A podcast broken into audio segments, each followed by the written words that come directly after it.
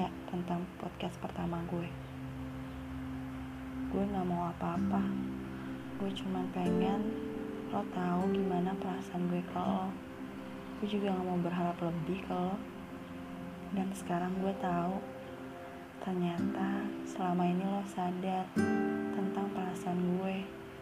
Dan gue juga tahu kalau lo selalu jadi orang pertama yang merhatiin aktivitas gue di sosial media. Makasih ya, makasih lo udah nurutin mau gue untuk cukup tahu gimana perasaan gue lo. Sekarang gue bisa pergi, pergi di mana hati gue dibutuhin. Makasih ya. Sekarang adalah waktu yang tepat buat nutup buku itu. Meskipun gak rapet, setidaknya gue udah berusaha buat bisa ngelupain lo.